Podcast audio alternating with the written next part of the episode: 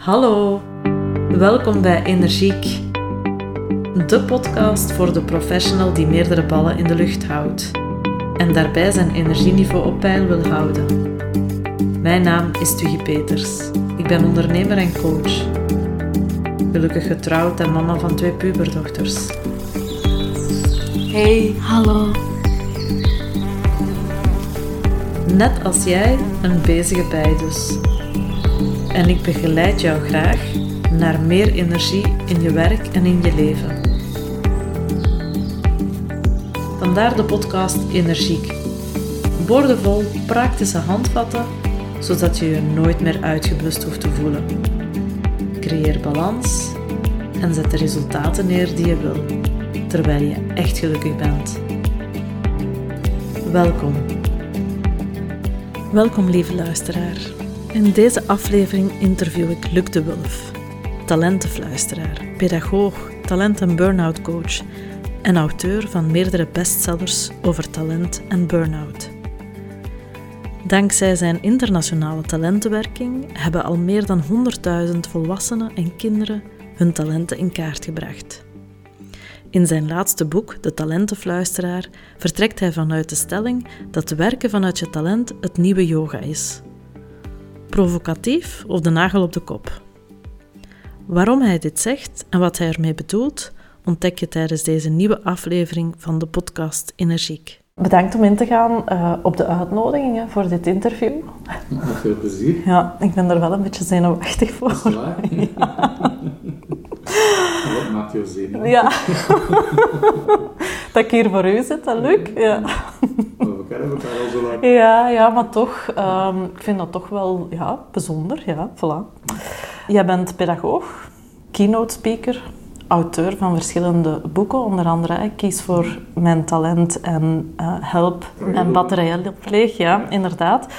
Maar bovenal noem je jezelf een talentenfluisteraar. Ja, dat is een beetje ontstaan doorheen de tijd. En, uh, en dat komt eigenlijk omdat ik, dat is, denk, dat is bij mij, ja, dat is sterker dan mijzelf. Dat als ik, ik professioneel gezien uh, mensen ontmoet, dat ik niet anders kan dan op zoek gaan naar het vermogen van mensen. Zelfs al, beginnen mensen met heel veel te vertellen over alles wat ze niet goed doen, wat ze niet kunnen, dan is mijn eerste reflex om erachter te gaan kijken van, ja, wat zit er daar dan wel? En wat kunnen hij dan wel goed? En uh, in Nederland noemen ze dat omdenken.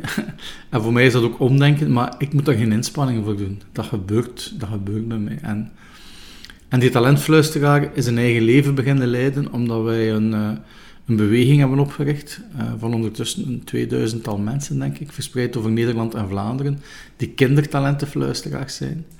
En die uh, leren hoe ze talentgesprekken kunnen voeren met kinderen, in de school of op andere plaatsen. En ze leren dat en dan hebben ze dat natuurlijk in de vingers om ook professioneel te gebruiken, maar dan beloven ze ook om jaarlijks één, twee of drie keer in een eigen gemeente gratis talentgesprekken te organiseren voor kinderen. En we hebben er al 2000 verspreid over Nederland en Vlaanderen, van noord naar zuid, van oost naar west. En de scholen die kindertalentenfluisteraars school worden en die dan beloven om elk kind in die school zijn talenten te leren kennen. En Zwolle is een talentenstad geworden en uh, de, de stad uh, Gent is een talentenstad geworden. En ook in Curaçao en Bonaire en in Zuid-Afrika en in ja. India en in Kenia zijn we bezig om het gedachtegoed te verspreiden. En dus dat, dat de, die, die term talentenfluisteraar is op die manier zijn, zijn, ja, een eigen leven gaan leiden. En uh, ja, dat is natuurlijk wel, wel tof. Dan dus ja, dan word je aangesproken als talentenfluisteraar. Maar ik had eigenlijk nooit de bedoeling om dat zo, zo expliciet te doen. Ja. Dat klinkt alsof dat je op een missie bent. Als je zo zegt van, hè, we zijn het, ja, het gedachtegoed over de, de wereld ja, aan het verspreiden. Absoluut. Missie niet in de zin van missionaris, maar, maar wel zo um, de gedachte van uh, mensen die zich niet bewust zijn van hun potentieel, bewust maken van hun potentieel. Um, en dat gedachtegoed verspreiden uh, via de boeken, via de materialen, via, via opleidingen. En vandaar dat heel het concept, zoals, zoals ik dat probeer uit te dragen, ook een concept is waar dat wij niet werken met licenties of gecertificeerde mensen. Dat interesseert me eigenlijk niet, want dat zijn allemaal remmen op de verspreiding van het gedachtegoed. En dus um, mm-hmm. ja, zoveel als mogelijk bewust maken daarvan. En, uh, en dan ziet je ook wat enorme effecten dat het heeft op mensen. Uh, uh, als ze op die manier leren kijken naar zichzelf, maar ook naar anderen, naar collega's, naar kinderen. Ja, ja ik herinner voor mezelf um, in contact komen met mijn talenten. Ik, en ik ga er nu eentje benoemen, empathie. Ehm, ik herinner voor mezelf dat dat inderdaad iets heel impactvol was. Ik dacht voordien in mijn rol als HR, die empathie die hindert mij. Dat is eigenlijk een zwakte. Ik zag eigenlijk ook heel wat rolmodellen die die talenten niet zozeer hadden, die dan eh, op de carrière stegen, zal ik het maar zeggen. En ik dacht, ja, ik moet daar iets aan doen, want ik ga nooit kunnen doorgroeien als, als ik mijn empathie zo ehm, niet weet te onderdrukken. Totdat ik dan inderdaad in contact kwam met het talentengedachtegoed en ik dat eigenlijk, zoals je het daarnet ook schetst, ben kunnen gaan omdenken en gaan inzetten als een kracht.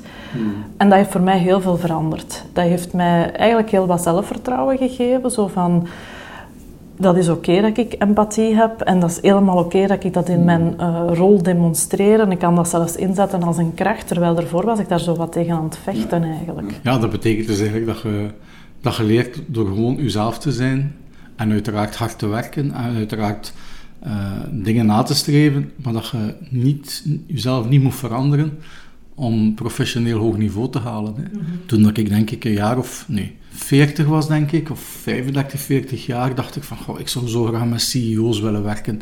En ik zou zo graag hoog in een organisatie kunnen binnenkomen. Maar ik voelde me daar zo bang voor. Ik had zoveel faalangst op dat vlak. En ik dacht van, ik kan dat niet. En toen dacht ik van, ehm, ik, ga opleiding, ik ga opleiding moeten volgen. Hè. Ik ga zo een, naar de, moeten gaan. En ik ga iets met mijn business uh, moeten doen. En ik ga de taal moeten leren spreken van die managers. En er was een collega van mij bij Cassasa Smit die mij coachte daarin. En die zei, Luc, zegt hij, als je daar naartoe gaat, hoe ga je daar naartoe? Ik zeg, ja, met, met, met geknepen billen. Hè. En hoe komt je daar dan binnen met een heel serieus gezicht? En uh, wat doet je dan? Zeg, heel veel praten, heel veel praten. Proberen interessant over te komen. En, en dan vroeg hij van, ja, wat doen die mensen dan? Ja, ik zeg, bijna niet luisteren en ongeïnteresseerd zijn. En zegt hij, ja, maar zegt hij, en als je helemaal in je element bent, Zegt hij, bedenk een keer zo'n opleiding waar je naartoe gaat, helemaal in je element. Ik zeg, ja, ja, dan zit ik in een auto te fluiten. En ben ik content dat ik die mensen ga zien. En als je binnenkomt, ah ja, dan begin ik grapjes te vertellen. En dan uh, ben ik mijn vrolijke ik. En dan vraag ik, ja, hoe is het met jou? Maak persoonlijk contact. En wat zegt hem? De volgende keer als je binnen gaat bij zo iemand, doe ik je dat. En de volgende keer dat ik binnen ging, was, uh, was dat bij de bij de personeelsdirecteur van een heel groot bedrijf. En ik ging binnen op, een hele, op, die, op die manier. En ik zeg oh maar jong, zeg, je moet nogal last gehad hebben van de laatste week. Als ik zo hoor, al die vakbonden, jong, maar dat, dat, hier, eh, dat moet wel niet simpel geweest zijn voor u. En die mensen die begonnen onmiddellijk te babbelen met mij. En dan voelde ik eigenlijk van door gewoon mezelf te zijn, had ik eigenlijk, bereikte ik plots wat ik dacht dat ik nooit ging kunnen bereiken.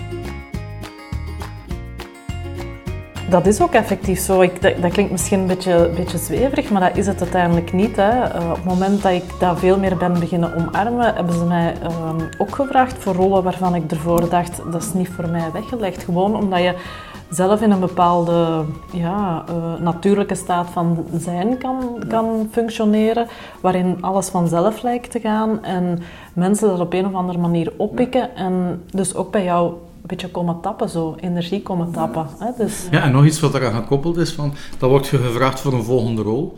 En er zijn veel mensen die gevraagd worden voor een volgende rol, stap, stap vooruit. En die, die zich dan onmiddellijk vragen van, oei, wat ga ik hier nu moeten doen om te voldoen aan de verwachtingen van die rol? Terwijl ik dan altijd zeg tegen mensen, ja, je bent gevraagd voor die rol omwille van wat je al doet, en niet omwille van wat je moet doen.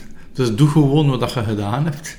En je gaat de best mogelijke manier, op de best mogelijke manier de rol invullen waarvoor dat ze gevraagd hebben. Mhm. Dat, zijn, dat zijn, zijn allemaal drempels in ons hoofd die wij maken. We vergelijken ons met anderen. Ik, ik zag ook in jouw uh, boek, De Talentenfluisteraar, dat je eigenlijk het boek ook eindigt met dat gegeven. Hè? Zo aanvaarden wie je bent. Ja, en dan moet je wel heel genuanceerd uh, oppakken. En zo de gedachte is van, ja, als je, als je accepteert dat je bent wie je bent, hè, en dat je ook accepteert dat je niet bent wie dat je niet bent, hè, want heel veel mensen zijn daar constant mee bezig.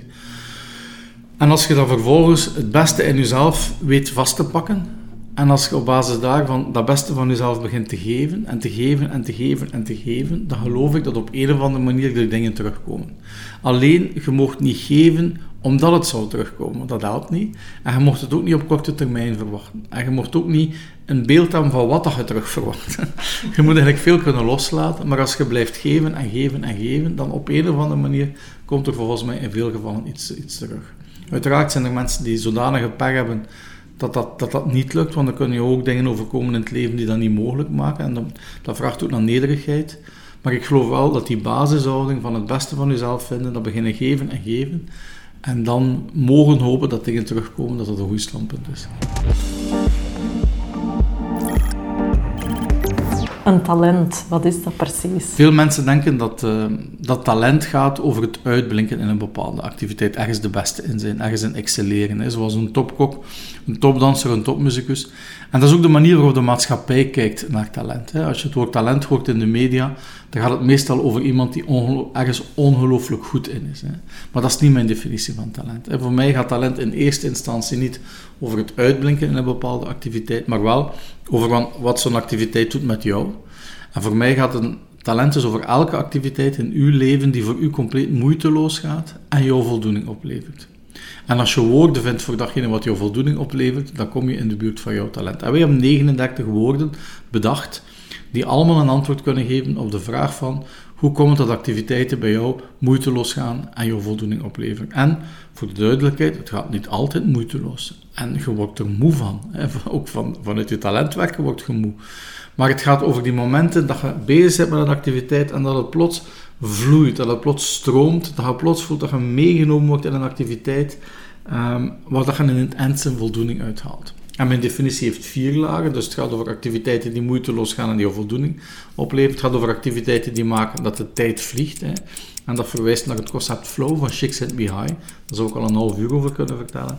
Het gaat over activiteiten die maken dat je batterijen oplaadt. Dat betekent dat je s'avonds thuis komt, dat je moe bent, maar dat je hoesting hebt om de volgende dag weer tegenaan te gaan. dus vanuit je talent werken levert een vorm van hernieuwbare energie op, eh, om het in duurzame termen te zetten. En de batterijen die je oplaadt als je werkt vanuit je talent, kun je ook vergelijken met duurzame batterijen, uiteraard de metafoor. En dat betekent dat mensen die veel vanuit hun talent kunnen werken, uh, veerkracht en weerbaarheid uh, opbouwen. En tenslotte, het gaat over activiteiten die maken dat je 100% authentiek jezelf kan zijn. Hè. Dat, je, uh, dat je niet constant zit te denken, mag ik dat wel doen, zal ik dat wel doen, dat je niet aan het vergelijken zit met anderen, dat je gewoon je ding doet. Hè. En uh, zet je van nature en spontaan al je talenten in zonder daarbij na te denken. En je geeft ook al een voorbeeld van, het gaat niet over, um, of het gaat niet alleen over een zanger of een zangtalent of een, uh, een topchef, kok. Het gaat ook over andere dingen. Kan je er eens voorbeelden van geven wat je daarmee bedoelt? Wat is nu precies een talent, een concreet voorbeeld? bijvoorbeeld als ik het heb over eh, een talent van mij.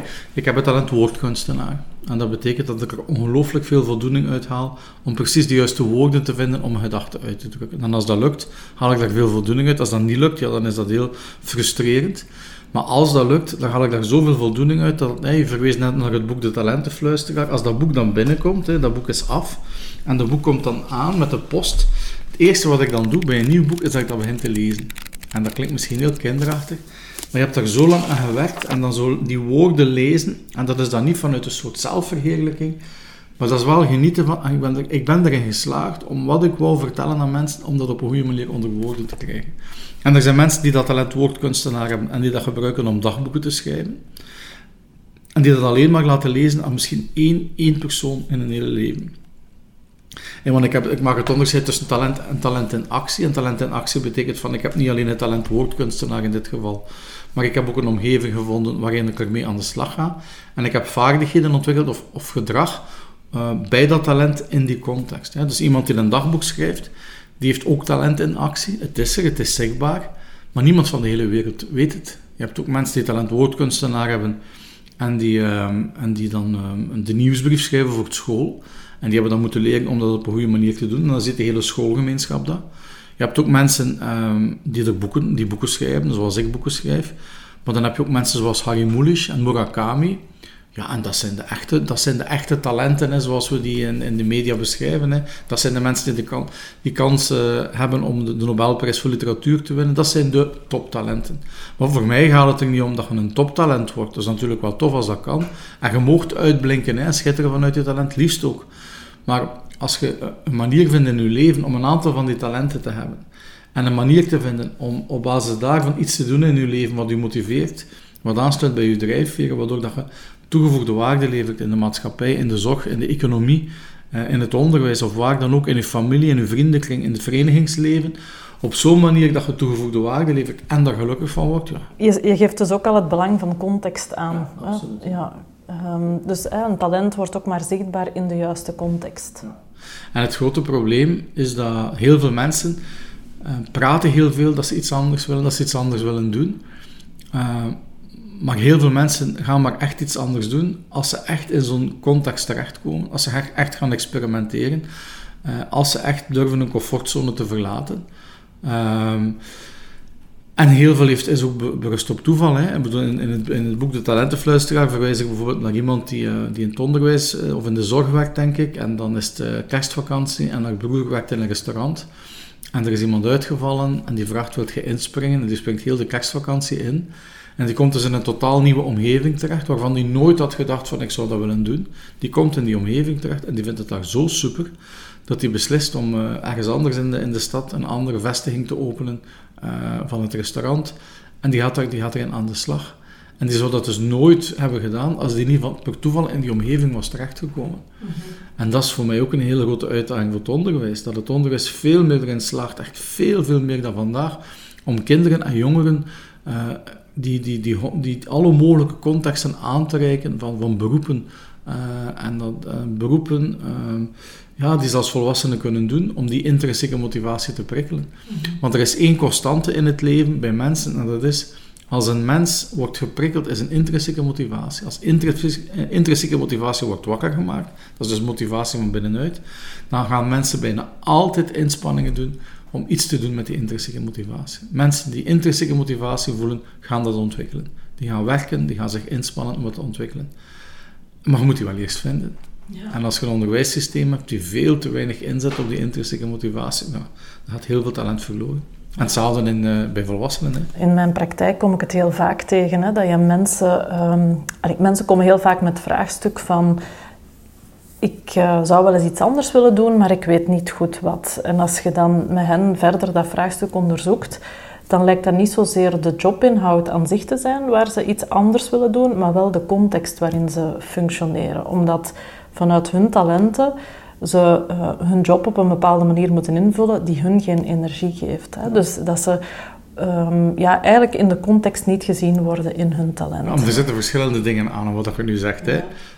Eén um, daarvan is van, um, ik kan misschien wel een stukje dingen doen uh, wat ik goed in ben, maar de omgeving motiveert mij niet en stimuleert mijn drijfveren niet. Dus ik zoek naar een andere omgeving om voor een stuk hetzelfde te doen, maar uiteraard ook een stuk iets anders die past bij die omgeving. Um, tweede, uh, wat ik erover kan zeggen, is dat ja, heel veel mensen niet, niet weten wat het onderscheid is tussen een competentie en een talent. Je, hebt dingen waar je goed in bent waar je geen voldoening uit haalt. En je hebt dingen waar je goed in bent, waar je wel voldoening uit haalt. Die wel maakt dat de tijd vliegt. En er zijn heel veel mensen die richtingen worden uitgedreven of ingedreven in een loopbaan die aansluiten bij een lijstje van competenties die geen talenten zijn. En ik ben niet tegen competenties, hè. Maar als je alleen maar over competenties spreekt met mensen en die energetische laag daar niet aan toevoegt om te zeggen van, ja maar ja goed, wat kunt je allemaal goed, maar doet je ook graag? Als je die tweede vraag niet stelt, dan denk ik dat er veel mensen zullen vaststellen dat ze misschien al jaren bezig zijn met dingen te doen die geen talenten zijn, maar wel dingen die ze goed getraind hebben en die ze goed kunnen, maar zonder dat die batterijen opladen, zonder dat ze er voldoening uithalen. En een ander iets eh, wat je vertelt, heeft te maken met ja, het enorm belangrijke uh, uh, aspect van je gezin, je gezin erkend en gewaardeerd voelen in wat dat je doet. Hè. Um, een van de uitgangspunten in mijn boek is, er is alleen maar talent als het wordt gezien. Hè. Mensen uh, gaan alleen maar talenten ontdekken als iemand anders dat benoemt. En tegelijkertijd, als je je gezin erkend en gewaardeerd voelt door mensen waarvoor dat je werkt, ja, dan gaat je ook veel meer geven, dan krijg je ook veel meer feedback aan. Uh, het gaat niet alleen over zeggen dat het goed is, hè, maar iemand die mij ziet, die mij waardeert, die mij herkent, die mag mij ook feedback geven over wat er minder goed gaat. Want die band is zo, zo stevig dat je in die relatie het wel aan kunt, uh, omdat je het ook belangrijk vindt om met die persoon te blijven samenwerken. Dus.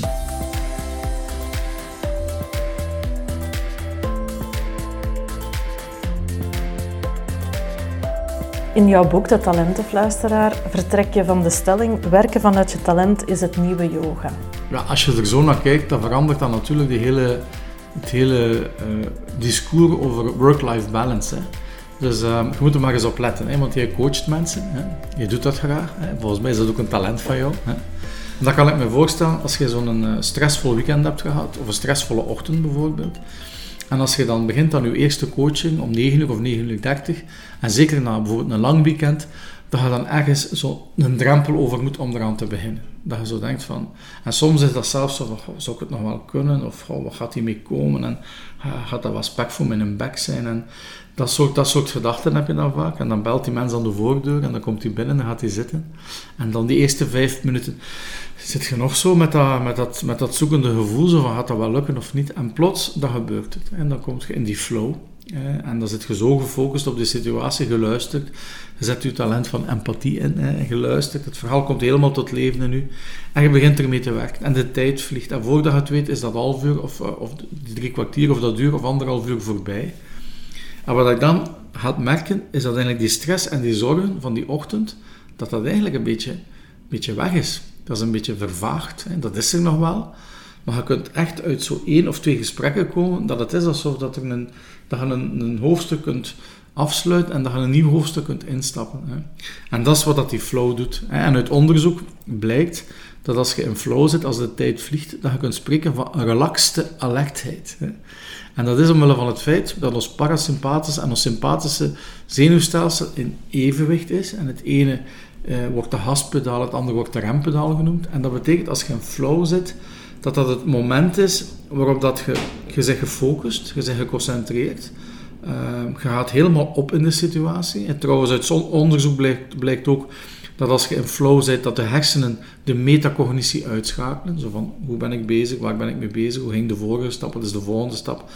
Dat die, die, die bewuste metacognitieve activiteiten worden uitgeschakeld, waardoor dat je met volle intensiteit, met volle focus in de situatie zit. Dus je bent hard aan het werken en tegelijkertijd ben je relaxed. Tegelijkertijd ontspan je, kom je tot rust in die situatie. En dat betekent dus dat mensen die dat veel meemaken, dat dat eigenlijk mensen zijn die ontspannen terwijl dat ze aan het werken zijn.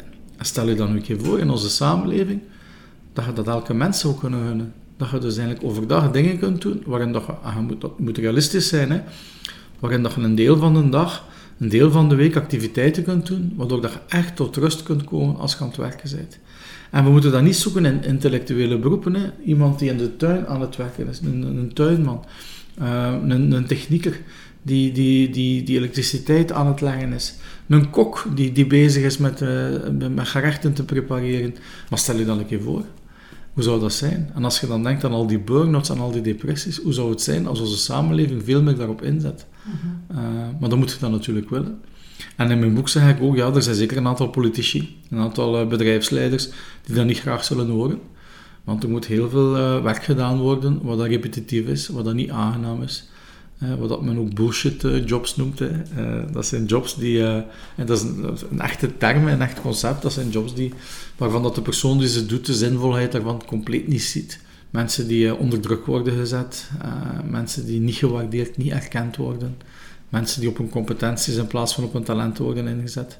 Mensen die niet eens weten dat werken leuk kan zijn. Ik ben door een aantal dingen getriggerd, hè? door een aantal dingen die je zegt. Um, het klinkt alsof dat je zegt, als je in flow kan werken, dan schakel je een beetje je interne criticus uit zo een piekergedachte. Van ben ik, je, je gaf aan, je, je Ja, of omgekeerd. Hè. Mensen die een hele, hele krachtige interne criticus hebben, kunnen misschien soms niet in flow geraken. Hè, iets, iets, een, een verwant begrip daarin is, is wat ze noemen choking. En choking is het Engelse woord choking, C-H-O, is een term die gaat over, over voetballers die niet in de flow komen.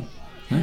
Dus je moet je voorstellen, Kevin De Bruyne, um, die speelt bij Manchester City en uh, hij zit niet goed in zijn vel. En hij heeft heel veel kritiek gekregen. Hij zit niet goed in zijn vel. Uh, hij, heeft, uh, heeft misschien ruzie gehad in zijn privéomgeving of wat dan ook. Maar hij twijfelt professioneel heel fel aan zichzelf. Hij komt dat veld op. En de hele tijd is hij bezig met: ik moet het goed doen, ik moet het goed doen. Ik heb het de vorige keer niet goed gedaan, ik heb veel kritiek gekregen. Ik moet assists geven, ik moet, ik moet, ik moet scoren. En dan, krijgt hij een, dan staat hij voor een vrijschop, hè, en dan mag hij de vrijschop geven. En de hele tijd is hij aan het nadenken van ik moet het goed doen, ik moet het goed doen, ik moet het goed doen. Waardoor dat hij niet in die flow geraakt. Terwijl dat Kevin De Bruyne heel goed weet dat zijn beste goals, zijn beste passen gebeuren compleet in die flow in het moment. Waarbij dat zijn, zijn metacognitie volledig geautomatiseerd is. Hè. En ehm, ja, inderdaad, dus in flow leg je de interne criticus stil, maar de interne criticus kan er ook voor zorgen dat je niet in flow raakt. Ik was aan het denken van, het is, het is um, ook omdat het herkenbaar is voor mezelf, als je in die flow zit, dan stelt je jezelf niet de vraag, ben ik nu goed bezig? Allee, dat, dat gaat zo vanzelf dat die vraag niet, niet naar boven komt.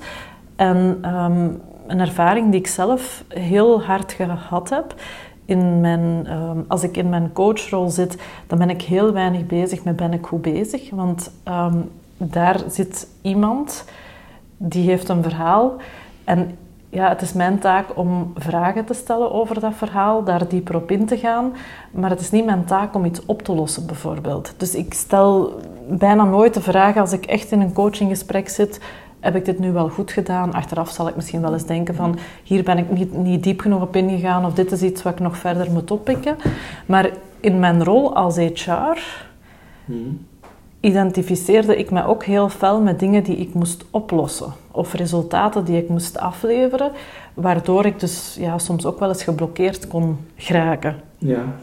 En dus door um, op een andere manier ook naar die rol te kijken en uw identificatie met die rol, want daar gaat het dan ook wel vaak over, kon ik dat ook wel meer ja. loslaten. Want het, het zou bijna lijken alsof dat je, als je in flow zit, dat je dan niet kritisch bent. Uh, maar ik heb in, in Kies voor Mijn Talent um, is, is het verschil beschreven tussen leren uit flow en leren in flow. Hè. Mm -hmm. En leren uit flow, dan had men, uh, heeft men het vaak, voor, vaak over... Uh, van je bent eerst onbewust uh, onbekwaam, dan ben je bewust uh, onbekwaam en dan word je uh, bewust bekwaam en dan onbewust bekwaam. Alsof dat een leerproces iets is wat dat voortdurend vanuit die onbekwaamheid vertrekt, want dan ben je uiteraard niet in flow. Hè. Maar als je in flow leert, wat er dan interessant is, is dat, ehm, ehm, dat mensen die in flow zitten, die hebben de ambitie om in dat moment het zo goed te doen alsof dat ze het nog nooit gedaan hebben zonder ambitieus te zijn. Maar er is een soort focus op, ik wil het zo goed als mogelijk doen. Um, je, je zit zo gefocust dat je alles ziet of hoort, elk signaal. Ik moet maar je denken aan een, aan een chirurg die met een operatie bezig is en die is in flow. Die ziet alles, maar dan ook alles op dat ogenblik. Die is zo gefocust. En dat betekent dat hij dus ook feedback haalt uit dingen die gebeuren, maar het is niet in een soort reflectieve toestand van oei, zou ik het verkeerd doen of dit of nee. Het is geautomatiseerd deel, deel van de ervaring zelf. Um, en inderdaad, op het moment dat jij bij wijze van spreken je afvraagt, ben ik wel een goede coach? Um, kan ik het wel? En als je daaraan begint aan een coachingsgesprek vanuit die toestand, voordat je het weet, probeer je het zodanig goed te doen dat je niet in die flow geraakt.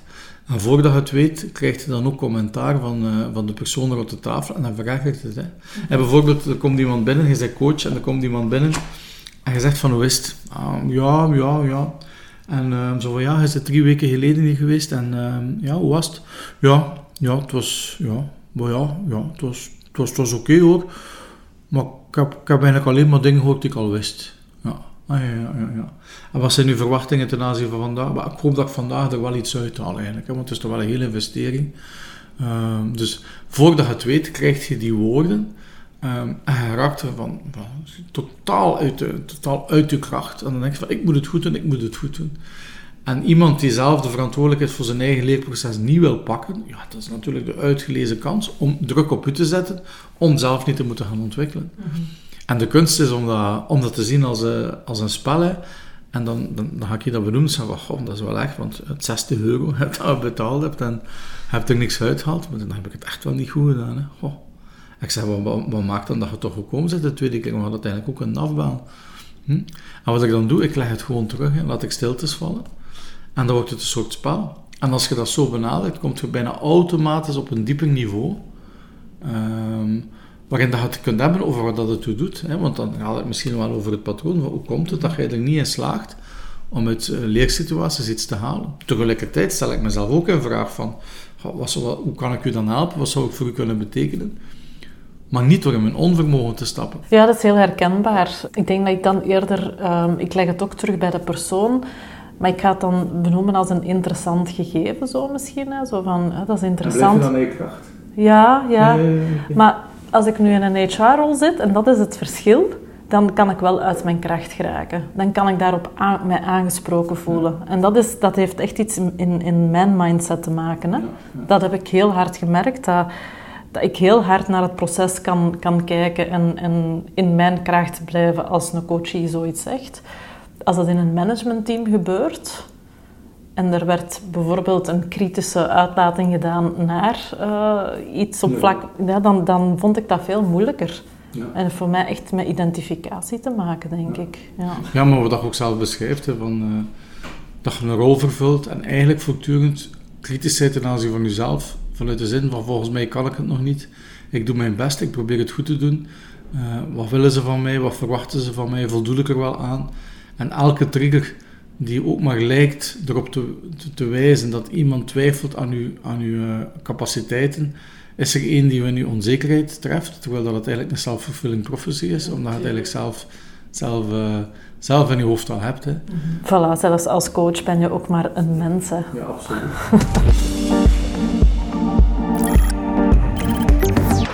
er was nog een tweede puntje waar ik nog eens even wou op terugkomen in uh, wat je daarnet vertelde. En dat was zo de, de werkgever die daar niet altijd um, blij mee is. En dat is nu net de reden waarom ik het ook zo belangrijk vind om mensen bewust te maken van hun talenten, waar ze goed in zijn, omdat inderdaad de druk vanuit de omgeving enorm toeneemt, complexiteit neemt enorm toe.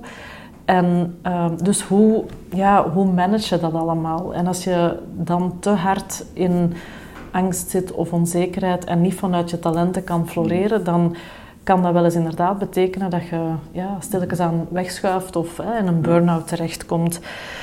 Dus ik geloof ook niet zozeer in uh, organisaties die, ja, ik noem dat dan een beetje labmiddelen inzetten, zoals hè, middags yogales aanbieden, uh, terwijl ze niet werken op dingen zoals mensen inzetten op hun talenten, die waardering, die appreciatie uitoefenen. Ja. Ik ken wel heel wat organisaties die daar een goed voorbeeld van zijn. Hè? Die uh, uh, bedrijven die, die er echt voor gaan om mensen echt in te zetten op hun talent, in een kracht te zetten, autonomie te geven. Ehm, maar er is, er is zo'n spanningsveld tussen enerzijds angst en anderzijds verlangen. Hè. En um, heel veel managers, de dag van vandaag nog, heel veel leidinggevenden, laten zich sturen door angst. Hè. Door angst dat dingen verkeerd lopen, angst dat het niet zal gebeuren zoals ze willen dat het gebeurt, angst dat ze hun uh, deadlines niet gaan halen. En um, op het moment dat je je laat leiden door angst, dan leidt dat altijd tot beperkende maatregelen. En dan ga je vrijheid beperken, je gaat procedures invoeren, je gaat controlemechanismen invoeren. Um, en angst uh, die leidt tot beperkende maatregelen, leidt altijd tot het beperken van de autonomie. En uh, in mijn boeken over burn-out uh, is mijn belangrijkste uitgangspunt over burn-out dat burn-out altijd gaat over een lichaam dat reageert op het verlies van autonomie. Dat betekent autonomie van mensen inperken heeft een enorme impact op de mentale gezondheid, zelfs op de fysieke gezondheid van mensen. Um, dus angst is een slechte raadgever. Daar tegenover heb je verlangen. En verlangen is van, ik verlang dat, hè, dat mijn bedrijf de richting uit kan dat het wil. Ik verlang naar groei. Ik verlang naar groei van mijn bedrijf, groei van mijn medewerkers. Ik verlang naar innovatie. Eh, ik verlang naar, uh, naar, naar, mooie samenwerkingsverbanden met andere organisaties, andere bedrijven. En um, voor mij is het uh, telkens weer de uitdaging dat, het niet, dat, dat je tegelijkertijd iets kunt gaan opzetten wat daar rekening houdt met uw angsten maar dat tegelijkertijd ook voldoende rekening houdt met de verlangens. Hè. En op het moment dat je iets doet waar dat en, en angst en verlangen allebei een plek mogen innemen, dan ga je niet bezig zijn met controle, maar dan ga je mensen verantwoordelijkheid geven. Hè. En uh, als je mensen verantwoordelijkheid geeft, en dan uh, als mensen die verantwoordelijkheid pakken, uh, kun je ze ook aanspreken op een verantwoordelijkheid. In je boek beschrijf je ook het belang van ontkoppeld talent. Ik merk de laatste weken en maanden dat overal waar ik spreek over die ontkoppeltalenten, dat dat echt blijft hangen. En dat mensen zich dat echt blijven beginnen afvragen. Uh, ik, uh, en een, een ontkoppeltalent, dat is eigenlijk een talent wat je inzet buiten het werk. Of dat kan zelfs tijdens het werk, tijdens de middag zijn, of s'avonds. En dat is een talent wat je inzet en die maakt dat je zo opgaat in een bepaalde activiteit buiten het werk, dat je op geen enkele, maar ook geen enkele manier bezig bent met stress of zorgen die te maken hebben met het werk, of stress of andere zorgen. Um, en er zijn veel mensen die denken van ja, um, ja, s'avonds thuis, ik kan moeilijk mijn werk uit mijn hoofd zetten. En ik denk dat het ook, dat is niet mogelijk, denk ik. Zeggen van ik ga mijn werk uit mijn hoofd zetten, dat is alsof dat je een knop probeert af te zetten die je niet kunt afzetten. Ik denk niet dat je een knop moet afzetten, ik denk dat je een andere knop moet aanzetten. Hè. En een andere knop gaat over activiteiten. En in ons referentiekader hebben we zo'n aantal talenten die daar prototypes een voorbeeld van zijn. Um, dat is talentbewuste beweging, noemen we dat. Dat zijn mensen, als ze een week lang alleen maar met hun hoofd bezig zijn, worden ze zo wat zot tegen het weekend. Ze moeten met een lijf bezig kunnen zijn. Um, dat kan zijn sporten, fitnessen, in de natuur zijn, dieren verzorgen, muziek spelen samen met anderen, zingen met anderen, dansen, expressie, dat kan zijn uh, yoga, meditatie, mindfulness, alle mogelijke activiteiten waarbij geest en lichaam met elkaar verbonden zijn. Tweede typische talent is wat we noemen de creatieve maker. Dat zijn mensen die met hun handen bezig zijn en die houden van het tactiele contact tussen handen en materie. En dat kan zijn in de tuin met plantjes bezig, in de keuken met ingrediënten breien, haken, klussen, een auto repareren, een IKEA-kast in elkaar zetten, uh, een muziekinstrument bespelen.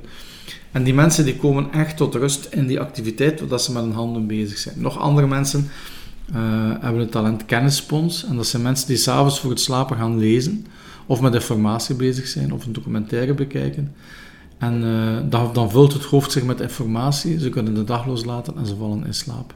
Sommige mensen gaan die drie talenten herkennen, sommigen geen één van die drie. Nu, elke, elk talent uit ons referentiekader kan, kan je buiten het werk gebruiken om los te koppelen. Hè. Bijvoorbeeld het talent waarin je luistert naar mensen. Ja, als je naar mensen luistert die op bezoek komen, dan kun je ook ontkoppelen. Uh, ik heb het talent trouwe vriend. En dat betekent dat ik een kleine groep vrienden heb die voor mij cruciaal zijn in mijn leven. En als ik bij die vrienden ben, dan, dan disconnecteer ik of ontkoppel ik volledig. Maar ja, je kunt niet elke week drie keer afspreken met je beste vrienden. Hè. Dus de, de, de kunst is dus dat je dat een stukje zoekt. Uh, ik was vrijdag in een bedrijf in Brussel. En die HR-manager die zei van, god, dat is zo blijven hangen dat ik... Uh, uh, ik was drie weken geleden daar geweest, dat is zo blijven hangen dat ik vorige week opnieuw ben gaan zwemmen. En dat ik besef dat dat voor mij zo cruciaal is. Uh, en uh, heel veel mensen hebben dat soort ontkoppelactiviteiten, hebben dat allemaal gehad in de jeugd. Ze hadden dat als kind, als puber, ze zaten ook op de achterbank en dan werden ze ook gevoerd naar die hobby's. En dan worden ze volwassen en al die hobby's die verdwijnen stukken naar de achtergrond. Begrijpelijk, want ja, we moeten werk zoeken en dan een huis en dan kinderen en dit en dat. En dan komen die bij mij als burn-out coach en dan merk je gewoon bij een aantal mensen dat ze over hun grenzen gaan en dat al die activiteiten waarbij dat ze konden ontspannen, dat ze dat allemaal weggeduwd hebben. Ja, maar ik heb geen tijd ja, dan moet je niet, moet je niet verbaasd zijn dat mensen te veel stress hebben. Hè. Mhm. dus, uh, dus voor mij, hè, als je hè, vanuit het werken vanuit je talent is de nieuwe yoga. Stel dat je dat al voor een stuk kunt realiseren. En mensen hebben een veel breder ontwikkeld leven waarin dat ze creatief bezig zijn, artistiek bezig zijn, met bewegen bezig zijn, met een ander bezig zijn. Um, als de maatschappij die richting zou kunnen uitgaan, dan denk ik dat je het aantal burn-outs, het aantal stressgevallen serieus naar beneden krijgt. Ja, ook daar weer twee dingen die mij, die mij een stukje triggeren. enerzijds, als ik kijk naar de afgelopen coronaperiode, is dat exact wat ik vaak heb gehoord als zijnde um, eigenlijk de druppel die de emmer heeft toen overlopen. En mensen die al heel fel um, een stukje leefden van vakantie tot vakantie, maar dan in die vakantie wel heel veel ontspanning namen of hè, dan bij wijze van spreken 14 dagen met een boek aan het zwembad gingen liggen. Maar ook dat viel nu weg. En dan vielen ze letterlijk om. Hè. Dus die ontspanning dagdagelijks in je leven inbouwen, die is heel belangrijk hè, om je stressbucket naar beneden te krijgen. Heel veel mensen in de, in de hele coronaperiode hebben niet meer kunnen werken vanuit hun talent. Als je denkt aan al die sluitingen in de horeca bijvoorbeeld, ja, heel veel mensen zeggen het gaat over het financiële en die mensen zitten financieel aan de grond. Maar ik denk dat, die, dat voor die mensen de facto het feit dat ze niet de dingen konden doen die ze graag doen, dat was vreselijk. Als je als muzikant niet kunt musiceren, dat is toch vreselijk. Als je als kok niet kunt koken, uh, niet mensen kunt ontvangen, dat, is, dat moet toch vreselijk zijn. Dan, dan zit je daar een hele dag en je voelt gewoon dat je andere dingen probeert te doen die absoluut diezelfde voldoening niet geven. en in mijn termen betekent dat dat je batterijen steeds meer gaan dalen. En als je batterijen dalen, dan worden kleine problemen automatisch grote problemen.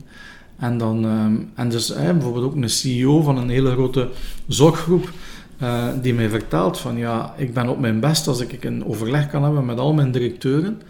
En, eh, en dat we daar kunnen zoeken. En dan is dat, dat zijn dan van die gesprekken, dat gaat alle kanten uit. En dan probeer ik erin te zoeken en proberen van belangen met elkaar te vinden.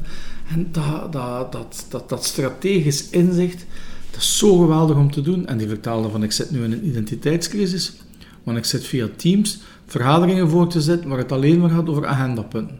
En een agendapunt inbrengen en bespreken en het volgende agendapunt. En ik heb het gevoel dat ik waardeloos ben. Dus, um, en ik twijfel echt, echt aan mijn professionele identiteit. Um, maar echt waar in dat geval, hè, die persoon die dacht van, hemelsnaam, kan ik eigenlijk nog wel, wel iets? Ja. En als je dat dan combineert met het andere, hè, uh, want er zijn mensen die, die in corona ontkoppeltalenten hadden die ze perfect thuis konden doen.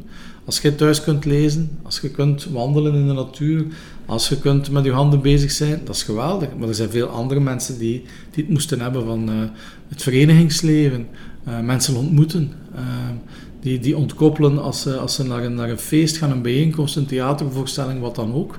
En dat was allemaal weggesneden. En dan heb je dubbel op zoiets. Hè. En dan een tweede aspect wat ik vaak hoor, is dat uh, mensen inderdaad, als ze zo in die burn-out fase zitten, inderdaad terug reflecteren over ja, wanneer was ik nu echt gelukkig of wat deed ik nu vroeger echt heel graag. En dan komen ze tot de vaststelling dat ze bijvoorbeeld graag creatief bezig zijn.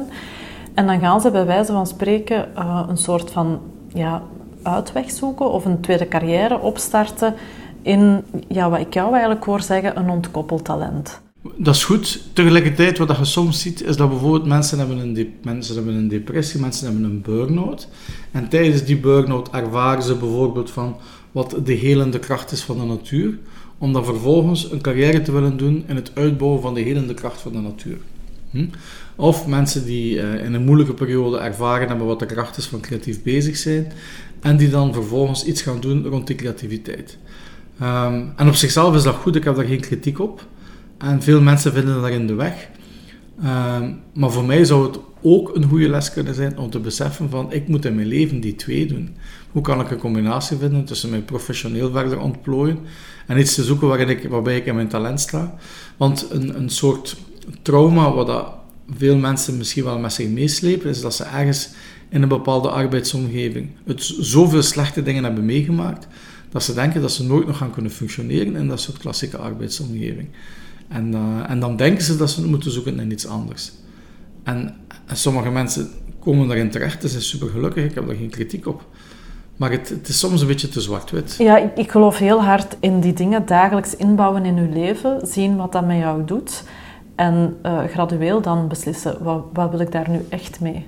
Ja. Vooraleer dat je zo... Want dan zitten ze vaak ook in dat dilemma van ja, als ik in één keer die sprong moet maken, wat moet ik dan allemaal opgeven? Of, Terwijl het altijd over balans gaat voor mij. Hè? Van, kan ik dat inbouwen in mijn dagelijks leven? En als ik dat al kan, ja, dan kan ik misschien daar ooit wel uh, ja, helemaal in groeien of, of mijn, mijn broodwinning van maken. Of anders gezegd, ik vind, en dat is een kritiek van mij op, uh, uh, op loopbaanbegeleiding in het algemeen, in, in België en Nederland. Ik heb dat ook in, in het Nederlandse tijdschrift Loopbaanvisie ook, ook, ook, ook gezegd, een tijdje geleden.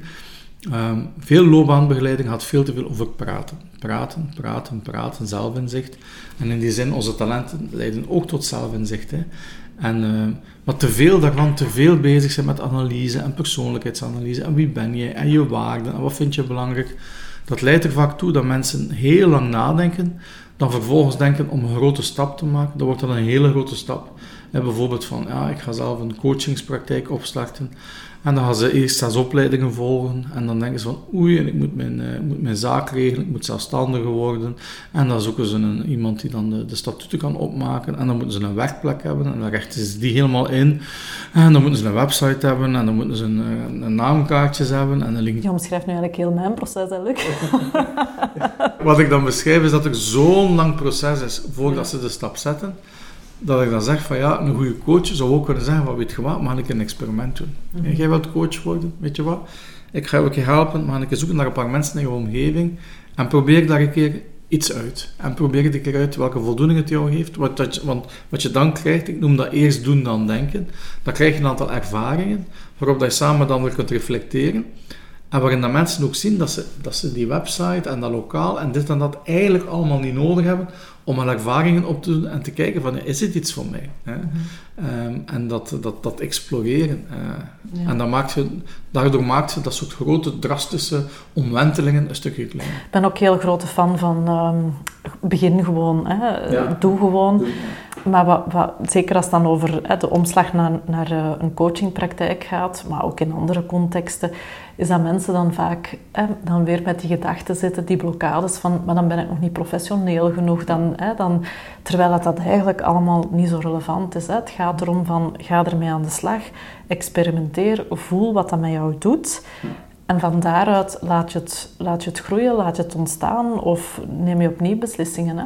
Mensen denken ook heel vaak dat ze een beslissing nemen en dat ze daar dan ten eeuwige tijde moeten bijblijven. Terwijl, ja, je hebt uh, vele talenten hè, die je kunt onderzoeken.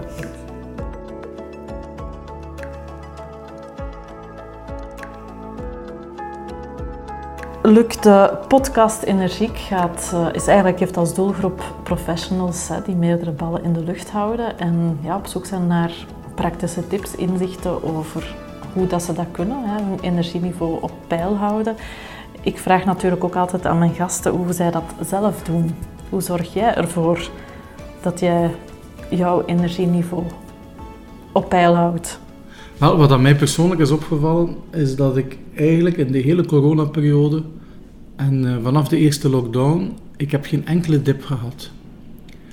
En uh, ik heb me ook afgevraagd van hoe komt dat? Komt dat? Nu, uh, ik heb al een hele zware dip gehad in 2015 en dan ben ik een aantal maanden thuis geweest. Dus dat was geen gewone dip, dat was een zware dip. Dat was, het was geen burn-out, het was een depressie. Dus, ehm, ehm, en ja, dus dat, dat vele oorzaken, een aantal professioneel, ook een aantal privé. Um, maar ik ben daarmee echt zwaar aan de slag geweest. En ik, ben ook, uh, ik heb ook therapie gevolgd. En ik doe dat eigenlijk nog altijd. Um, dat is al een jaar of vijf. En ik heb eigenlijk voor mezelf vastgesteld, ik heb al heel veel intense en goede leertrajecten gevolgd in mijn leven, dat, dat therapie voor mij de krachtigste vorm is geweest van persoonlijke ontwikkeling die ik al gehad heb. En ik heb uiteraard geluk van een, eh, een fantastisch goede psycholoog te hebben. Um, um, niet iemand die mij heel veel dingen zegt, in tegendeel, die laat mij vooral praten. Maar ik heb nog weinig van mijn leven zo'n belezen, erudite persoon meegemaakt die uh, heel grappig ook uh, kan confronteren, kan spiegelen, uh, mij kan wijzen op, op dingen die ik gezegd heb, die, of die ik de vorige keer had gezegd, dat soort zaken. Ehm, en ik heb echt naar de binnenkant gekeken op een manier, ja, het is, het is echt een vorm van groot onderhoud, zo, die, die maakt dat ik, dat, ik, um, dat ik veel, veel rustiger ben geworden, veel, veel krachtiger. Um, en dus voor mij veel ballen in de lucht houden, dat betekent in de eerste plaats mij ongelooflijk amuseren als ik aan het werken ben. En, en zo, dat is dubbel, hè, want bijvoorbeeld, ik vertelde dat nog een paar weken geleden, dan kom ik aan in Nederland, want ik zit heel veel in Nederland, hè, en dan ga ik naar een school om een opleiding te geven en ik zit op 1,9 kilometer van die school en dan wil ik eigenlijk dat dat 3 kilometer is. Want ik weet als ik dan binnen ga, dat ik dan eigenlijk hard moet werken. dus van, ik moet zo even ook dat drempeltje over. Ehm, en dan begint je en dan, uh, ja, dan vliegt de tijd gewoon vooruit voor mij. Dan is dat die twee, drie of vier uur, dat is in een fluit voorbij. Um, en dan kom ik daar buiten en ben ik ook echt moe, ben ik echt blij. Zo, oh, dat ik tijd heb voor mijzelf. Um, en dus ik haal heel veel, heel veel energie daaruit. En op andere vlakken, zoals mijn mails, mijn facturen, mijn boekhouding, dat soort toestanden. Ik heb iemand die daar mij in ondersteunt. Dat is een zeer goede zet geweest. Mijn collega Mirjam, ik ga ze een keer benoemen, een keer noemen, want ik ben ongelooflijk dankbaar voor de samenwerking. Heel complementair aan mij, dus ik heb dat een stukje weggeorganiseerd. Maar ik slaag er op een of andere manier in om dat allemaal goed onder controle te hebben. Mijn mailbox, nu zo dadelijk binnen een uur, ga ik de laatste ongelezen mail weer gelezen hebben. Ik ben meestal op één dag uh, één of twee dagen achter maximum in mijn mails. Ehm, en voor de rest, um, ja, uh, ik, ik, kook heel graag, dus ik ben uh, heel graag met koken bezig. Ehm, ja, ik, kan, dat gaat goed. En een belangrijk, een belangrijk onderdeel is wel dat ik beslist heb voor mezelf, een jaar of acht geleden al. ik wil niet meer werken van 9 tot 5. Ehm, vroeger deed ik heel veel opleidingen of opdrachten van 9 tot 5. Ehm, en ik ben daarmee gestopt. Ik vind dat niet leuk. Ik doe dat nog misschien. Hmm, vorig jaar heb ik er misschien 5, 6 dagen mee, meer gedaan dan andere jaren. Ik doe dat ongeveer een, ehm, misschien 8 dagen op een jaar van 9 tot 5. En soms doe ik dat van 9 uur tot 4 uur. En dat klinkt misschien raar, maar dat is toch nog een andere indeling van de dag. Dat doe ik ook een stuk of vier keer op een jaar. Ehm, en voor de rest is het allemaal korte interventies. Een uur coaching, een lezing van een uur, een lezing van twee uur, een workshop van drie uur, ehm, nog een keer een workshop van drie uur. En bijvoorbeeld morgen, morgen voormiddag van 9 tot 12 uh, eh, geef ik een workshop en dan namiddag geef ik een lezing van 2 tot half 4. Ehm, woensdag heb ik een lezing en dan namiddag van, van 15 uur 30 tot, tot 17 uur. En s'avonds geef ik dan nog in Wobbelham een lezing van anderhalf uur. Dat betekent dat ik mijn brood verdien door eigenlijk um, heel gefocust opdrachten te doen, waardoor ik ongelooflijk veel ruimte heb om in mijn hoofd met andere dingen bezig te zijn, met nieuwe projecten en zo verder. Dus ik streef er eigenlijk naar om in mijn leven om met steeds, steeds minder uren in de week te werken, mijn brood te verdienen. En dat is niet werken bedoel ik werken voor klanten, betaald werken. Hè. En dat is echt zeer goed gelukt. Dus, uh, en uh, ja. Maar dat is ook weer door, door keuzes te maken. Hè. Dat is, dat is een, mensen zullen zeggen, wie, wie doet er dat nu? Ja, maar bij mij, dat, ik zit zo in elkaar en dat heeft me echt geholpen. Dus door bewuster te kiezen, um, doe je meer en meer die opdrachten waarvan je zegt, daar haal ik zelf ook veel plezier uit. En in, in een format die goed werkt voor jou. Als de luisteraar graag zijn talenten wil ontdekken, waar kan die um, daar een tool of een handvat voor vinden. Kan je daar nog iets over vertellen? Ja, uiteraard. We hebben veel materialen gemaakt. Hè. Als je op de website van Lano hè, in België mijn naam intikt, dan zie je eigenlijk alle publicaties. Hè. We hebben uh, toolboxen gemaakt, we hebben talentenkaarten gemaakt, we hebben een referentiekader van 39 verschillende talenten. Um, als je de boeken kiest voor mijn talent of Stop Burnout, hè, want Stop Burnout is de recentere titel van, van het boek over burnout. Als je die boeken koopt, dan vind je een toegangscode in het boek tot onze online tool My Talent Builder. En My Talent Builder is een online tool die, die gebruikt wordt in heel veel grote bedrijven. Zoals eh, het referentiekader wordt gebruikt bij KLM in Nederland, de vliegtuigmaatschappij, bij Umicore in België, bij Janssens Pharmaceutica, bij Deloitte op sommige plaatsen. Uh, bij TNO in Nederland wordt het gebruikt, uh, maar ook in, in, de zorg, de social profit, in, in lerarenopleidingen het hoger onderwijs, maar ook heel veel uh, loopbaanbegeleiders gebruiken die tool. En dat is een tool en die je vult vragenlijsten in en die geeft u een soort voorzet van wat uw top 15 talenten zouden kunnen zijn. En die tool is geen waarheid. Die tool zegt niet dat zijn jouw talenten. Ik zeg het, dat dat jouw talenten zijn. Maar het is een hulpmiddel. En aan de hand van daarvan krijg je een soort top 15 van uw talenten. En we hebben die tool vooral gemaakt om mensen ehm, te helpen om gesprekken voor te bereiden met anderen over hun eigen talenten. Over je talenten moet je vooral spreken uh, met anderen. Herken je dat? Uh, ik wil dat eens delen met jou.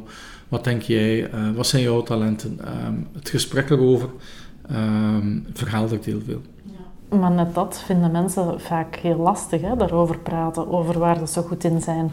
Ja, maar er is een, er is, er is een verschil tussen praten waar je goed in bent mhm. en praten waar je voldoening uithaalt. Hè? Ja. Dus uh, als je nu aan iemand vraagt van ja, vertel een keer.